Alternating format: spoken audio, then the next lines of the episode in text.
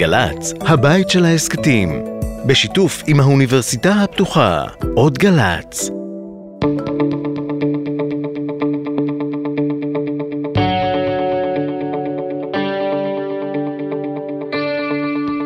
אהלן, הפרעת קשב, תוכנית 17. שלונסקי והופשטיין על ביקורת התקשורת. לא סגרו אותנו? עוד לא סגרו אותנו, אבל אנחנו ערב תשעה באב, תרתי משמע אולי. ביבי נתניהו מאושפז, אה, הצטננות קלה, משהו בגזרת ההתייבשות, ומחר, אה, מחר, בשעת השידור הזאת, מחר הצבעה שנחשבת מאוד מאוד קריטית. אה, ואני רציתי לשאול אותך, אבל שלונסקי, האם אתה שותה מספיק מים? כדי שלא תגיע למחלקה הקרדיולוגית? אני שותה, אבל לא ממש מים, אבל אני שותה. אמרו לי שנוזלים, מה שחשוב שנוזלים. איזה שהם נוזלים. איזה הרכב בפנים פחות... אה. הבנתי. אוקיי. אה, תראה, אנחנו, אנחנו, אה, אני התעוררתי הבוקר עם הפושים מהלילה של נתניהו, אשתה לא קוצב לב, והייתי בטוח שהטלפון שלי התקלקל, שהוא חוזר לסיפורים מלפני כן. שבוע. מסתבר שבעצם תרבות השקר כל כך השתרשה פה עמוק, שאשכרה גם במקום שאין שום סיבה, ראש הממשלה אומר לא אמת לעיתונאים, אבל יותר, ולציבור, אבל יותר גרוע, אה, אה, תל השומר, רופאים בכירים, עומדים מול מצלמה ואומרים לא אמת. לציבור. פרופסור אה, עמית שגב אומר דברי שקר. עכשיו, תראה לאן הגענו. זה שראש הממשלה משקר, אנחנו אומרים, בסדר, אנחנו. רגילים, לא נורא. אבל אה, בכלל סוד מה יש לראש הממשלה, אין דוחות, אין, אין, אין, אין מידע. מ-2016. אף אחד לא דורש, אף אחד לא דורש שום דבר. ומי שדורש, מסתכלים עליו כ, כיצור אה, מוזר מאוד. מה אתה נכנס לעניינים פרטיים? ואז כשקורה משהו, כולם משקרים. כולם. מזל שלא שאלו את הנהג מונית, מה קרה. כאילו, את כול... תכף אנחנו אה, נדבר על, על מישהי אחת שכן אה, הצליחה לומר אמת נכון. מדויקת אה, אוקיי. בזמן אמת מה, מהמקצוע, אבל בואו נשמע קודם גם את עמית שגב וגם את נתניהו. ראש הממשלה נתניהו סיים סדרת בדיקות, נמצא במצב מצוין. סיומן של כלל הבדיקות שבוצעו. סיבת האשפוז היא התייבשות. אתמול ביליתי עם רעייתי בכנרת, בשמש, בלי כובע, בלי מים. לא רעיון טוב. איפה נעצרת החלטים? כן, לא, לא רעיון טוב. אה, אבנר, זו הזדמנות בשבילך ללמד את הסטודנטים שלך מה זה fake news. כאילו, נא, זה fake news. הנה, קיבלתם. אני אומר שאני לא מצליח להבין, אני יכול לחשוב על מאות דברים, מה הם חשבו? על מאות דברים יותר כיפים בכ- לעשות בכנרת, מאשר ב-41 מעלות להיות אה, בתוך חסקה, רק בגלל שאולי מישהו הציע לעשות לך סיבוב. שום חס... אתה לא מבין כלום, זה שום זו הייתה סירת מוטור מסודרת, מפוארת, עזוב. אבל תראה, פרופסור שגב לא רק אמר את הדברים האלה, אני רוצה להקריא לך עוד משפט שהוא אמר, שזה כבר, זה כבר, זה כבר באמת להשתין מה, מהחסקה. בשום שלב לא אובחנה הפרעה כלשהי בקצב הלב. לצורך המשך מעקב שגרתי החלטנו להשתמש בהולטר תת-עורי, כפי שנהוג, כדי לאפשר לצוות המקצועי להמשיך במעקב השוטף. למה, למה, למה? למה כי, לשקר? אה, כנראה ביקשו ממנו, והוא כנראה בחפץ לב הסכים לשקר. אגב, אני דיברתי עם רופאים שסבורים שזאת עבירה אתית. על... אה, שמע, זה ידבר, אה, פרופסור או לא פרופסור, הוא ילך עם זה לכל החיים. עם החבילה הזאת הוא ילך. לכל החיים. אה, אין- מה לקנא בו. אני אומר עוד פעם, אתה מבין, ראש הממשלה משקר, זה בינינו, אין בעיה. זה ברור, כן, אף אחד לא מאמין, תחשוב על זה, אף אחד לא מאמין לו. לא להפך, אם הוא יגיד פעם לא, אמת, אנחנו נהיה- כן, לא מצפים בכלל שיגיד, כמו שהיו פעם בעיתון, שלא כל מה שמופיע בעיתון זה לא נכון. כן. אז אה, אוקיי. אני אה, רוצה כן לתת, להגיד, כן. כי כבר נקדים, אה, כי אחר כך אוקיי. לא נחזור לזה, נקדים איזה, צלשון קטן, כי ב, ב, ב, במהלך הימים האלה, ה-24 שעות האלה שהיה חרדה, הייתה חרדה לגבי מצבו של ראש הממשלה, הייתה עיתונאית אחת שהצליחה לברר מידע מדויק רפואי לגבי מצבו, גם התחייבה לזה, ובדיעבד נו, היום תגיד. מתברר שהיא אה, צודקת, הילה אלרועי, אני רק... כן, מ- אין- תן לי דקה, אני מוציא את הדברים שלה. לא, אני אגיד לך מה היא אמרה, שהוא גם, הוא התעלף בבית, נפל וקיבל מכה. אחרי הדברים של ראש הממשלה והפרופסור, היא נחשבה למוזרה ומידע לא נכון ולא אמין. היא יוצאת גדולה, יוצאת גדולה. מדויקת, צל"ש. היא עיתונאית. זה דוגמה לעיתונות. לאורך שנים, היא כתבת בריאות, היא לא מחליפה כל זה גם שנתיים. המשמעות של המומחיות. כל, בדיוק, לא מחליפים כל שנתיים תחום. זה התחום שלך, תתמצא בו, תדע על מה אתה מדבר. אבל אם אנחנו כבר מדברים על אה, עיתונאים... פרשנית ערוץ 13, כן, צריך כן, להגיד. לענייני בריאות, נכון. אם אנחנו מדברים כבר על אה, עיתונאים, בכל זאת אה, קרה משהו טוב למעמד העיתונות בשבוע האחרון. בהחלט. כל הקמפיין בין בי, ביידן, הנשיא ביידן וביבי נתניהו, ראש הממשלה, אה, התנהל בעיתונות. כן. ההתנהלות, זה אמר ככה והוא אמר ככה, הוא לא אמר ככה, הוא אמר כן, הכל היה בעיתונות, זה, זה יוצא וזה נכנס וזה מופ... תשמע, זה שזה בדיחה, כל העסק, איך שהוא מתנהל, הרי הכל אה, מוקלט, ויש סטנוגרמות. כן, אז בהתחלה יצאו סטנוגרמות, קודם נתניהו עשה כמובן ספין, שהזמינו אותו לבית הלבן, ועוד ודיברו מעט על ייתנו לו פרס, איראן, כן. ענייני איראן, כן. וביידן, אחר כך- תשמע, גם האמריקאים לא מדברים באופן מאוד ברור, שהוא אומר לך, we should meet for lunch, אתה מבין שהוא לא רוצה לראות את הפרצוף שלך.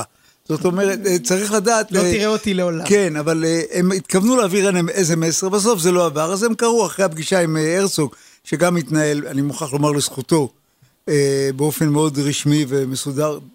כול- כולם ציפו שהוא יעשה שם קוטלטים אה, מהקואליציה ומראש הממשלה, והוא לא, כי הוא נשיא מדינת ישראל. לא יודע, אה, אני קצת חלוק עליך, אוקיי. לדעתי היה צריך אה, לנצל את ההזדמנות, לא להגיד שהדמוקרטיה שלנו יציבה ואיתנה, כי היא לא יציבה ואיתנה. כולם בטנגו, כולם רוקדים, כולם מבינים את הקצב, יודעים מה הוא אומר, הם לא צריכים לא שיגידו להם. הזה. אבל כשזה לא היה ברור, אז הוא אמר, אוקיי, אז אני אסביר לך.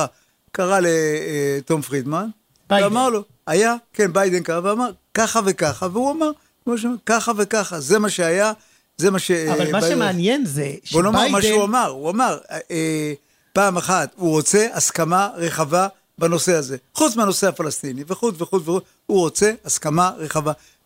שום דבר אחר לא. אבל צריך הכל. לדבר על התפקיד המיוחד שלקח על עצמו תום פרידמן, שהוא סוג של דוקטור רות של הקשר בין המדינות עכשיו. הוא גם, הוא גם המתווך, והוא גם השופט, והוא גם אה, אה, הפסיכולוג. שתבין שכשהתברר לתום פרידמן שהדברים, המסר של ביידן עבר לא טוב בישראל, הוא הלך לביידן ואמר לו, רק שתדע שהם מסלפים ועושים עליך ספינים, ואז ביידן אמר לו, פחות או יותר מה היה באמת, תום פרידמן כתב מאמר זה מאוד נקרא מאוד קשה. אצלנו, זה שגריר, זה עיתונאי שגריר מאכר. כן, אה, בדיוק. הוא טוב, יהודי בכל זאת. אבל שמע, הוא עיתונאי הכי, הכי גדול בעולם, והיום הכי חשוב בעולם, אין לאהוב אותו, לא לאהוב אותו. בוא נשמע את הקטע שאתה הכנת לנו. כן, הוא, הוא דיבר, אה, התראיין ליונית לוי וג'ונתן פרידלנד בפודקאסט שלהם, Unholy, וסיפר למה הוא בעצם כל כך חשוב לו להיות... אה, בוא מאכער. נעצור רגע שנייה, תזכרו שהפכו אותו לאויב חדש של מדינת ישראל. הוא אויב של מדינת ישראל. כן. מביא את הבשורות הרעות. היהודי היקר הזה שאכפת לו ממדינת ישראל, בואו נשמע אותו. around the world after my column. It was on a Gmail account, and it just said two words Thank you.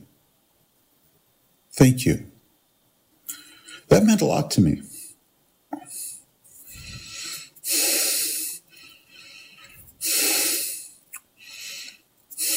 I, I can see, we can both see that you're you're holding back some emotion there, Tom, as you talk about this. כן, אז אה, אה, אה, הוא בעצם מספר שמישהו כתב לו אה, תודות על זה שהוא טורח אה, לדאוג לנו, למעמדנו בארצות הברית, והתחיל להשתנק בשידור. וזה אויב. אויב, כן. אה, חלק מאלה שקוראים לו אויבים, קוראים לו אויב, הם אויבים. הם אויבים. לא, אפילו לא, אין להם מורכבות אנושית להבין את זה, אבל בסדר. לגמרי. אבל עכשיו- תראה, אפשר, אפשר, אפשר לשאול ברמה העקרונית רק, רק מילה על המקום הזה. תראה, אפשר לטעון שתום פרידמן, שהוא עיתונאי מעולה, הוא קצת הפך להיות סוג של שופר של הממשל.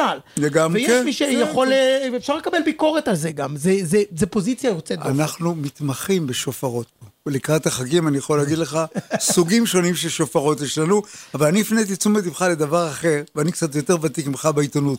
בשנות ה-70, שדיין או אבא אבן או מישהו היה מופיע לשידור, לא היה, הוא לא היה מופיע בטוויטר, בטוויטר היה תפוס באותו ערב, אז הוא היה מופיע בטלוויזיה, זה היה אירוע, היו באים פעם בכמה שבועות, או שרון או מישהו. פה, איפה שאתה לא פותח אתה רואה אותם. היה ביום, היה ביום שלישי, אחר כך היה גנץ ביום רביעי, אז ביבי ביום חמישי. ואחר כך ביום... הודעה לאומה. ואחר כך גם ביום שישי פעמיים בטוויטר ובמסנג'ר, ואתה מאבד את האפקט, אתה מאבד את הכוח שיש למנהיג להעביר מסר, זה העניין הזה. הת- ההתפוצצות של כלי התקשורת, אומרת, אני יכול להגיע, אתה יכול להגיע, אבל זה מאבד את האפקט של הדיבור החד פעמי, שאתה מופיע ואז מנתחים אותך. אתה לא מספיק לסיים, כבר ההוא נכנס, והשלישי נכנס, ויש לך תגובות על תגובות על תגובות. ואנשים, תאמין לי, 38 מעלות חום, יש גבול מה שרוצים מאנשים. לגמרי. גם למנהיגות. כוח של מנהיג, אתה יודע איך הוא בא? כשיש לו כוח ויש לו סוג של אנונימיות. וריחוק ממנו נותן המון כמו כוח. שאמר שרון פעם, מעולם לא הצטערתי על הרעיון שלא נכון, נתתי. כשאתה, זה, זה משפט של אדלר אגב. אה, זה הכוונה- שאת- ברור. אה, אבל תשמע, הסיפור פה עם התקשורת הוא שבעצם התקשורת אה, אה, רעבה בצורה אובססיבית לעוד ועוד, מה שנקרא, אייטמים, שזה כל מיני אנשים שאומרים דברים וצריך סתם, לנתח את זה. היום- סתם היום דברים, הייתי, יותר היום מדי הייתי, תקשורת, פחות היום מדי הייתי עיתונות. בערוץ מסוים בצהריים, הם מעלים חברי כנסת, ואני אומר להם, הם לא יודעים כלום, הם סתם מדברים, אף אחד לא שואל. אותם. מה, מה אתם שואלים אותו? הוא אומר, כן, אנחנו במאיר כהן, אנחנו נגיע להסכמה. מה הסכמה באמא שלך? איזה הסכמה? על מה אתה מדבר? אין לך מושג, אף אחד לא שואל אותך, אתה לא יודע מה קורה. עובר, ואז אומרים לוואטורי, והוא גם מודיע, אנחנו לא, אנחנו... אחרי-" אתם לא... אתם פיונים. אתם בקושי אפילו פיונים. ומה מה הציבור מרוויח מהעיתונות. הזאת? כלום. כלום, זה. ב- זה בעצם יותר מדי תקשורת, הוא- אבל פחות מדי עיתונות. מספיק נבון כדי לבוז לה. אני אומר לך שהוא אפילו בז לה. כן, אבל אה, השאלה אם הוא לא מתמכר לה באיזשהו מקום. גם, גם. אני אגיד לך איפה מתמכרים, בערוץ 14 מתמכרים. אתה יודע למה? ופה צריך לומר, אמרתי את זה נדמה לי פעם או פעמיים, אבל אני כל הזמן חוזר על עצמי. כי אתם המקום היחיד שנותנים לי לדבר. בבית, אתה יודע, לא נותנים לי לדבר. ערוץ 14 זה המקום של המחאה של הימין. אתם, החברים שלך יוצאים לרחובות, הם יוצאים לערוץ 14. שם יושבים על שם הספה, הם מקבלים את ה- שם זה המחאה שלהם, וזה בסדר גמור, וזה לגיטימי, וזה דמוקרטיה. יש לי מה להגיד על הערוץ הזה בכלל, אבל עוד אה, בהמשך, אבל באופן כן, כללי, אמרנו כמה פעמים. הרבה אהבה. כן, אוקיי. זה ערוץ שבכלל מפיץ אהבה.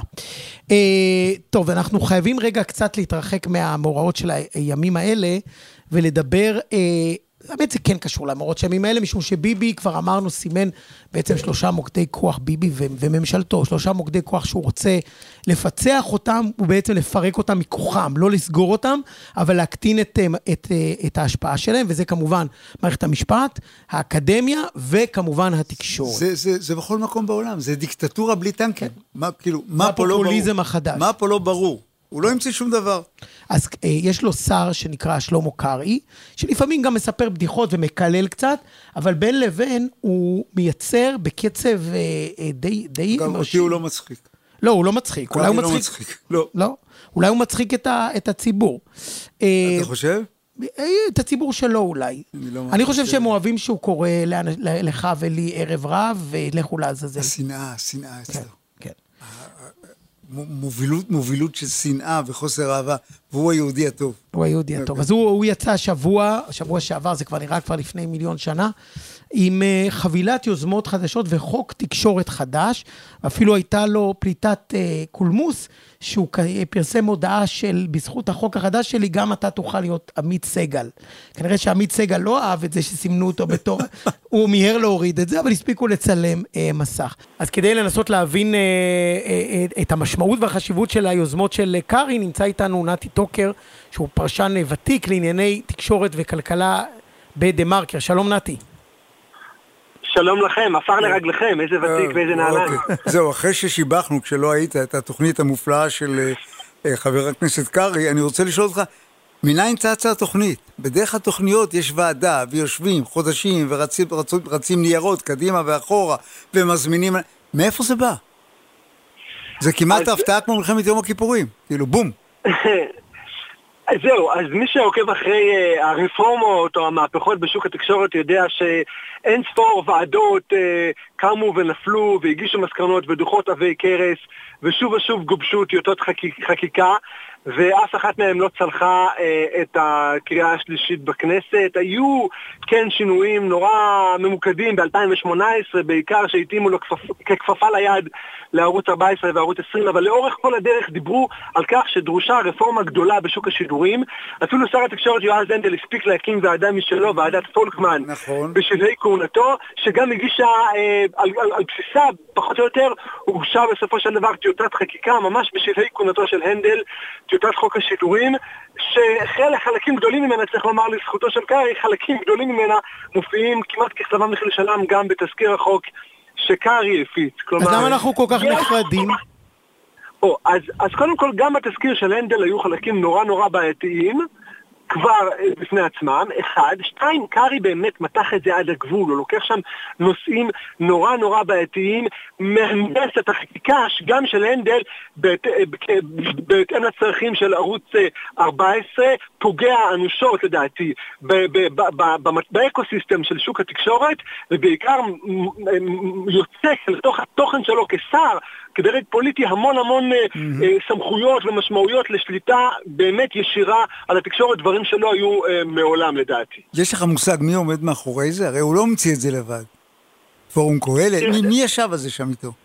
תראה, אנחנו יודעים שהמשנה למנכ"ל שלו זה בחור בשם אלעד מלכה, הוא הסתובב הרבה בכנסת, בחקיקה, בסיבובים הקודמים של החקיקה של ערוץ 18, הוא מכיר את שוק השידורים, יאמר לזכותו, הוא יודע מה הוא עושה, אני גם יודע שהוא מינה כרגע את uh, זיו מאור uh, לחבר מועצת הכבלים הלוויין, וגם הוא היה מעורב בכל מיני הליכים רגולטוריים uh, מהצד הלא נכון, כן? Uh, בתמיכה בהליכים שהיטיבו באופן פרטיקולרי עם ערוץ 14, אז יש לו שם חבר'ה שמבינים את החקיקה לא רע. מה אתה חושב יקרה אם, אם היא כן תתקבל? מה, מה, אם התוכנית כלשונה תתקבל? מה יקרה לערוץ? שם... כן.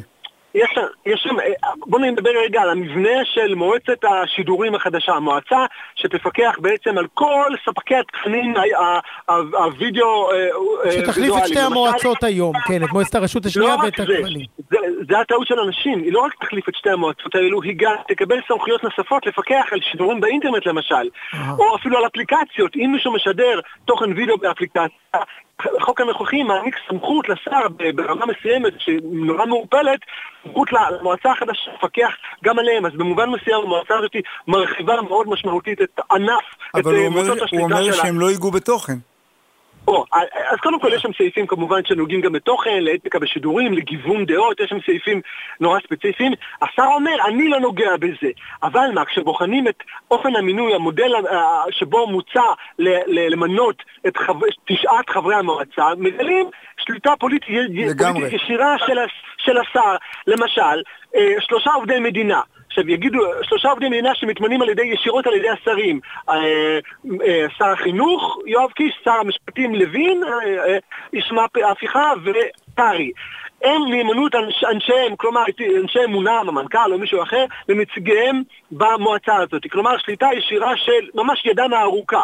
מעבר לזה, שאר, חוץ מהשלושה האלו, שישה נציגי ציבור. אבל שניים מתוך הנציגי הציבור האלו הם שוב בחירה ישירה ממש של השר. השר פשוט אומר, בא לי את שני האנשים האלו, לא צריך מעבר לזה שום דבר. זה ממש מזכיר את, לא... את מה שקורה עם הוועדה לבחירת שופטים. לא אנחנו רוצים למנות שני שופטים שלנו, והשאר שייבחרו בשיטה. וזה יותר מזה, וזה מזכיר את רשות השידור, הימים שבהם רשות השידור הלכה והסתאבה, היו בגלל הסיבה הזאת, פשוט הפוליטיקאים בחרו באופן ישיר את מליאת רשות השידור, הביאו את זה אומנם לאישור ממשלה, אבל בחרו את זה באופן ישיר, וזה מה שגרם להסתאבות של רשות השידור ולסגירתה בסופו של דבר, וזה המודל שקארי רוצה, חמישה מתוך אה, תשעת, רוב למעשה, חמישה מתוך תשעת נציגי המועצה יהיו מנויים ישירים של הדרג הפוליטי, כלומר שליטה פוליטית מלאה במועצה, כל החלטה שהם ירצו להעביר, הם יוכלו להעביר במועצה, פיקוח על תוכן, מעורבות, עכשיו צריך להבין את זה, בסוף זה משפיע על השידורים. או, זהו, אז זה, זה אני רוצה, אני רוצה לפני סיום לקחת אותך טיפה צעד אחורה אה,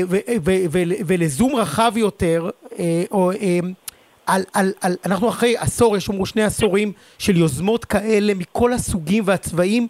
מה לדעתך, אם אתה מסתכל, ואתה רואה, מסתכל על זה הרבה זמן, איך ההשפעה היותר אה, לטווח ארוך של כל היוזמות האלה, בין אם הן עוברות באופן חלקי ובין אם הן לא עוברות בכלל, אבל מייצרות איזה גל של תזזית של, של, של חרדה. איך, מה זה עושה נגיד לעיתונאי ב-11 שיוצא אה, לבקר את הממשלה, או ב-12 שיוצא לעשות כתבה. לא רק חדשות, יש גם מה קורה לעולם התוכן. כן, לעולם הדוק. מה, מה זה, מה, איך ההשפעה של זה ברמה היותר רחבה?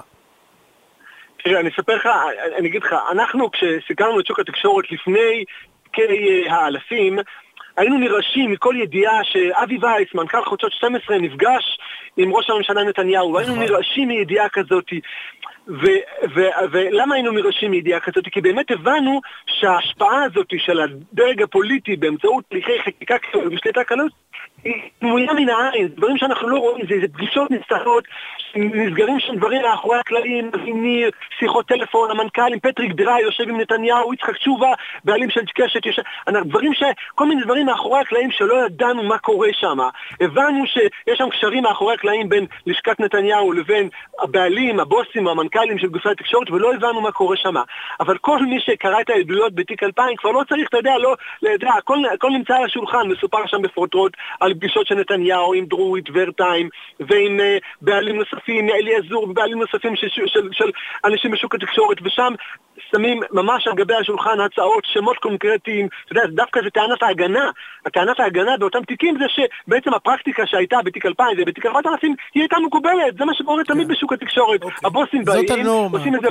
מה זאת מה יקרה הנורמה, קדימה? וזה- מה יקרה קדימה עם החקיקה הזאת? ומה יקרה קדימה? זה יחזק, זה, זה ינרמל ויחזק באופן משמעותי הרבה יותר את השליטה הפוליטית של, של הפוליטיקאים בשוק התקשורת, ויאלץ את הארי נירים ואת אבי וייסים, והיום גם את, אה, את אה, מנכ"ל אה, חדשות אלטמן של חדש רשת, וגם את ערוץ 14 אגב, שגם הוא עלול יום אחד למרוד, גם אותם זה יאלץ אותם להיות יותר ויותר תלותיים, ממש יורדים על ברכיהם על, על, לטובת הפוליטיקאים. והפוליטיקאים בחסדם הטוב ירצו ישחררו, לא ירצו לא ישחררו. התלות הזאת,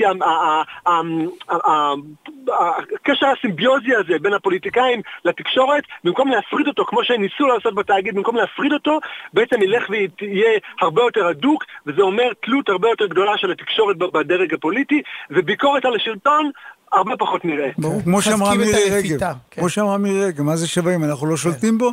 אז אנחנו שולטים בו. אה, נתי. אה, כן, ניפרד ממנו? כן, תודה רבה. תודה רבה, ונקווה לרעיונות יותר אה, אופטימיים. כן. אוקיי. אולי, אולי. תודה. תודה, תודה. תודה. טוב, עלו בריאיון הזה המון נושאים שקשורים לעולם התקשורת ולניהול שלו, אבל הדבר המרכזי שאני לוקח מזה, זה משהו שאני אומר כבר שנים, נתניהו לא סוגר כלי תקשורת, הוא מחליש אותם, הוא מוריד אותם על ברכיים, כדי שכל עיתונאי יחשוב בהתחלה פעם, ואחרי זה פעמיים, ובסוף שלוש, לפני שהוא מרשה לעצמו להרהיב עוז, לצאת נגד... אוקיי, אני אגיד רק השלטון. דבר אחד, שמההצלחה של הממשלה הזאת בחקיקה, בוא נראה אם גם זה אם הם יעבור. ירצו, זה לא כל כך בטוח שיעבור. מצד שני, זה כל כך מטורלל, שהכל יכול לעבור. בדיוק, אתה יכול וגם- לקום גם- בבוקר, ובוא, אתה אנחנו רואים אה, שבעקבות האיומים על התאגיד, בכל זאת התאגיד חושש. למרות שהוא עושה עבודה יוצאת הוא עושה עבודה מעולה, לא, הוא חושש לעתידו. אוקיי. קח אותנו למקום אחר, יש לו. אה, זהו, תשמע, ההתחזקות של הממשלה, של הימין, של עוצמה יהודית, גורמת לכל הדמונס לצאת מהבורות, מהמערות. ההתנפלות, ההתנכלות לנוצרים בעיר העתיקה היא בלתי סבירה, וגם בתוך העיר ירושלים. מסכנה הכנסייה הפולנית, איפה היא יושבת? בתולדות אהרון. במאה שערים, זה המקום הכי, אה, הכי טוב שאפשר היה, המקום הכי טוב שאפשר היה לחשוב על, על כנסייה פולנית זה שם. מתעללים בהם, מתענים להם. יורקים על כמרים בעיר העתיקה, זורקים עליהם. השבוע שמע, היה איזה סיפור, לא? אה, לא, אה, השבוע בכנ... היה משהו אחר ב... ב... בכותל, הופיע ראש הכנסייה של דורמיציון עם צלב, יחד עם שר... שרת המדע מגרמניה, ובאה אליה איזה פקידה, ואמרה לה שהצלב קצת גדול מדי. כאילו... כאילו שזה תכשיט. זה כאילו שהוא בלינג לא בלינג. היה, זה לא היה לפני כמה חודשים. אתה יודע למה הם עושים את זה? כי הם יכולים, ולא ייגעו בהם. ואתה יודע, זה העם היהודי. אדנות ועליונות יהודית. שסבל כל כך הרבה, אבל אנחנו יכולים לה- להוביל בגזענות ובהתעללות. נורא. יש לנו דוקטורט בזה, כי עברנו את זה. אז בעניין הזה באמת צריך להסתכל... מדברים על תהליכים, זה לכתוב, תהליכים. צריך לטפל, להעמיד לדין, אה, מחללים בתי קברות של פרוטסטנטים, דברים איומים. נורא, נורא. אצלנו, אם בקנטקי מישהו נגע באיזה בית, אה, בית קברות, שישו ושמחו, מהומת אלוהים. פה מתחת לאף. מזעזע. מתחת לאף. מזעזע. וצריך להגיד, זה לא טרוריסטים וזה לא מחבלים, זה אנשים שבסך הכל רוצים אה, לחיות את דתם אה, בשקט. פה הם ממש, הם מבוהלים מאיתנו. הם פשוט נורא. מבוהלים. מזעזע. טוב, אנחנו לצל"ש אה, טר"ש, או צל"ש צל"ג, יום אחד נכריע. אה, אז אני מתחיל אה, בתוקף תפקידי כמבשר הרעות בציון לגנאי. כן, הדחת אותי ממבשר הרעות? אה, אתה רוצה... אתה חשבתי רוצה... שאני הייתי... אוקיי, בסדר, לא חשוב. בבקשה. אה, לא, אני חשבתי שאתה מלאך עם הכנפיים. ירון אברהם כתב חדשות 12, שדרך אגב גם קיבל פה צל"ש בעבר. הוא אה, התפתח טוב מאוד בשנה האחרונה. התפתח הוא עשה טוב מאוד, קבוצה אבל תשמע- ומביא הרבה סקופים. נכון, הוא מביא הרבה סקופים והוא גם היה מאוד מאוד אה, אמיץ אה, אה, בתחילת ההפיכה להגיד את הדברים בשמם ולא לוותר. אבל לאחרונה הוא סיגל לעצמו איזה, איזה נטייה שקיימת אצל אחרים למתג את עצמו אה, אה, על חשבון הסיפור. הוא מראיין אה, אישים, אה, בדרך כלל אה, או מימין או, או משמאל או... או קונטרוברסליים. והוא מתווכח איתם, מתפלמס איתם, בלי בכלל להגיע, ל- זאת אומרת, מן, אתה תיתן לי לדבר, לא, אתה תיתן לי לדבר, אתה תיתן לי לשאול וכולי, ואז הוא עורך לטיק טוק איזה 30 שניות רק של ההתפלמסות, בלי בכלל התשובה, כי התוכן לא חשוב, הכל כדי למתג את עצמו כאכבר גבר, הוא מקבל על זה גם תשואות משמחה רוטמן ועד אה, אה, אה, בכירי אה, ימין אחרים, הוא עשה את זה עם אולמרט, והוא עשה את זה עם כן, אהוד כי ברק. באמת התוכן לא חשוב. התוכן לא חשוב, הנה, תשמע אינסרט אוקיי. שסיפק אומר דבר סופר מסוכן, אמיתי. יש לך אחריות. סליחה, אה, אני מנהל איתך רגע. אתה לא סליחה, מנהל רון איתי. לא, קסל. זכותי להעיר רון לך. זכותי להעיר לך. אני רוצה לשאול אותך שאלה. לא זכותך. סליחה, אני לא סביר באופן קיצוני שאתה מתנהג אני לא ככה. רוצה לך. אני רוצה. לשאול אותך שאלה לא- אחרת. אתה אומר דבר סופר מסוכן. על מה דיברו? אין, כן, רון קסלר, הבן אדם שסיפק את האינסרט הזה. מתוך הטיק טוק של, על מה דיברו? אין מושג. אין מושג. מה הוא שאל? אין לי מושג. העיקר שהוא מה יצא הוא ענה? גדול. אין לי מושג. אבל הוא יצא אכבר גבר. אתה יודע, הוא הכניס לאהוד ברק. לפני המון שנים, שהיה, אה, ברק התמודד ב-1999 על הבחירות, הגיע חבר שלי מצרפת. וישב והסתכל איך מדברים על ברק וזה, ואמרו, ברק, עוד פעם אתה עם המיטה, עוד פעם זה, הוא אומר לי, איך אתם מדברים לרמטכ"ל לשעבר? אצלנו בצרפת, מי שהיה מדבר ככה, הוא מגורש מהאולפן על המקום. איך אתם מתייחסים לאנשים האלה? כאילו כלום, לא סופרים אותם בכלל, מה זה? ואתה רואה את זה גם עכשיו. אתה יכול להיות גם מנומס וגם נעים, והוא אורח שלך. אתה מארח באולפן. הוא אורח. הוא ראש אז- ממשלה כן. לשעבר באולפן, לא- בכל לא- זאת. כן, הוא לא נציג חיזבאללה. הוא ראש ממשלה לשעבר ורמטכ"ל לשעבר. טיפה כבוד, אפשר לעשות את זה. האנגלים יודעים, אני מציע לך, אה, ירון, סע, קח כמה חודשים חופש מה- מערוץ 2, סע אני לאנגליה, מוכן תראה לעשות איך איתך עושים את זה משם את... אה, כן, אתה את- כבר מוכן לנסוע, נכון? אתה אני- כבר אורז. כן. אני כבר- אני לא ברור. פה? אתה כבר אורז, כן. אנחנו בראש מדבר- אני כבר לא פה. אני כבר מדבר איתך מהמטוס, כן. אוקיי. טוב, אה, תורך. אה, ההצלה של לילי נעים? לא, לך עם זה, לך עם זה. אה, כן? אוקיי. אז, גם, אז אני גם אביא בשורות טובות. לי נעים, כתבת אה, חדשות 12, באולפן שישי, חשפה אה, בסוף השבוע האחרון סיפור על דוד אמסלם, שנוגע לשירות המילואים שלו. אבל למה? בגלל שאמסלם תקף בצורה בוטה וברוטלית כהרגלו, כדרכו. אה, טייס, כדרכו. ואז אה, אה, אה, אה, אה, לי נעים הביאה סיפור... לא, מישהו אמר, איזה מילואים אתה עשית? אז הוא אומר, אני עשיתי 40, ש- 40 שנה כן, מילואים, בטנקים וכל זה וזה. גיבור אה, גדול. אוקיי. אז התברר שהוא עשה שם איזה עבירה, אבל יותר חמור מזה, הוא ביקש מחבריו לפלוגה לשקר, שלא הוא עשה את זה, אחר כך הוא הלך הביתה, ובסוף הוא נהג בכלי רכב שהוא לא היה רשאי לנהוג בו, זה לא עבירה נוראה. לא, אבל לא, אבל... הוא נהג בכלי רכב שהוא לא השקר. רשאי, כן, עשה תאונה, ואחר כך הכריח או שכנע אנשים בפלוגה לומר שמישהו מהם נהג ולא הוא, וזה נגמר בבכי. זה דוגמה לסיפור, לכמה עיתוי חשוב בסיפור.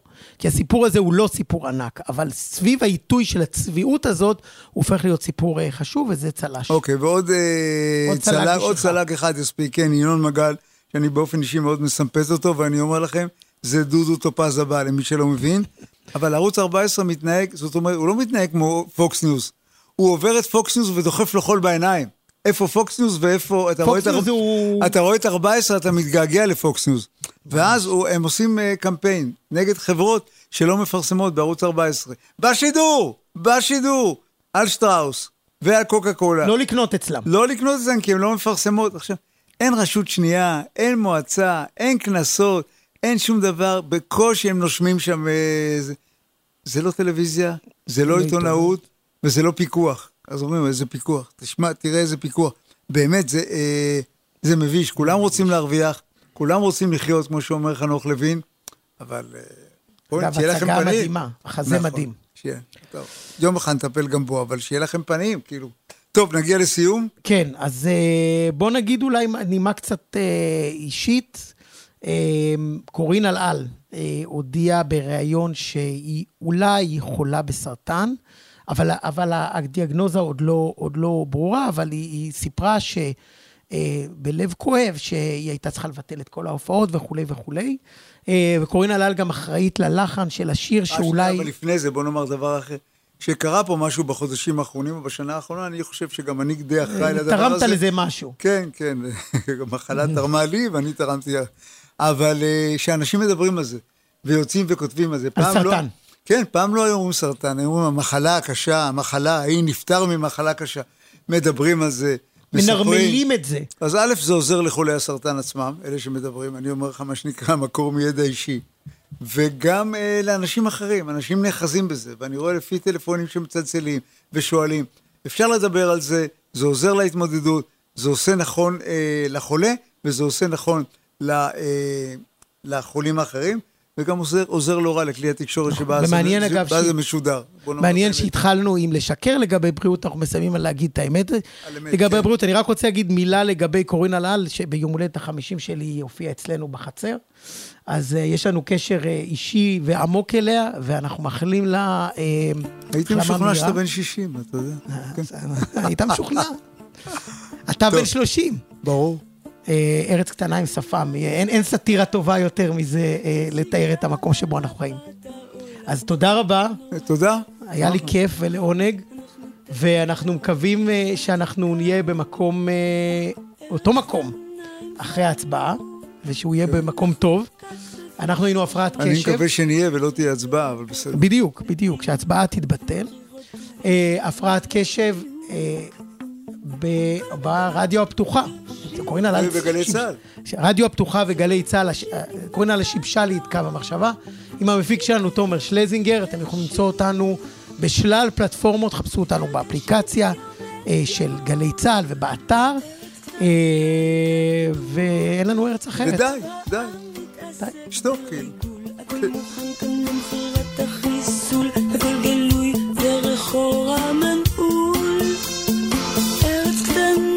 קטנה עם שעון, שמתקדם בצעדי חילזון. זוכר הנשק בונה לו ארמון, המדינה זה הוא בגוף ראשון. כל המקומות קדושים, סיכויים קלושים לבנות חלום.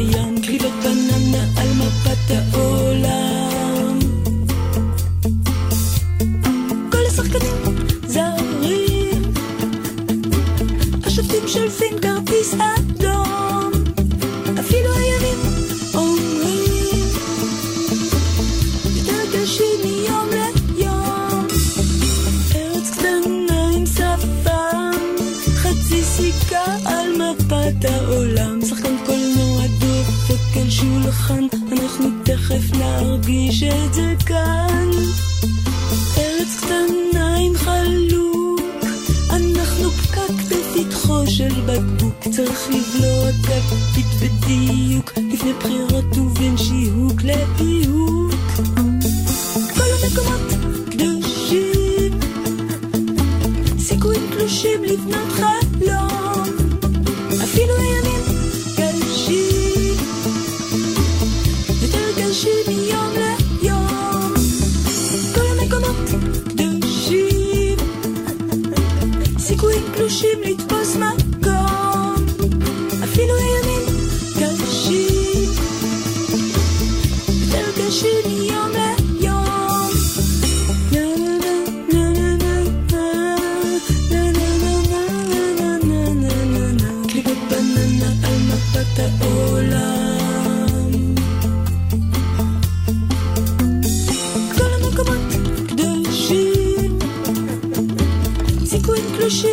très long.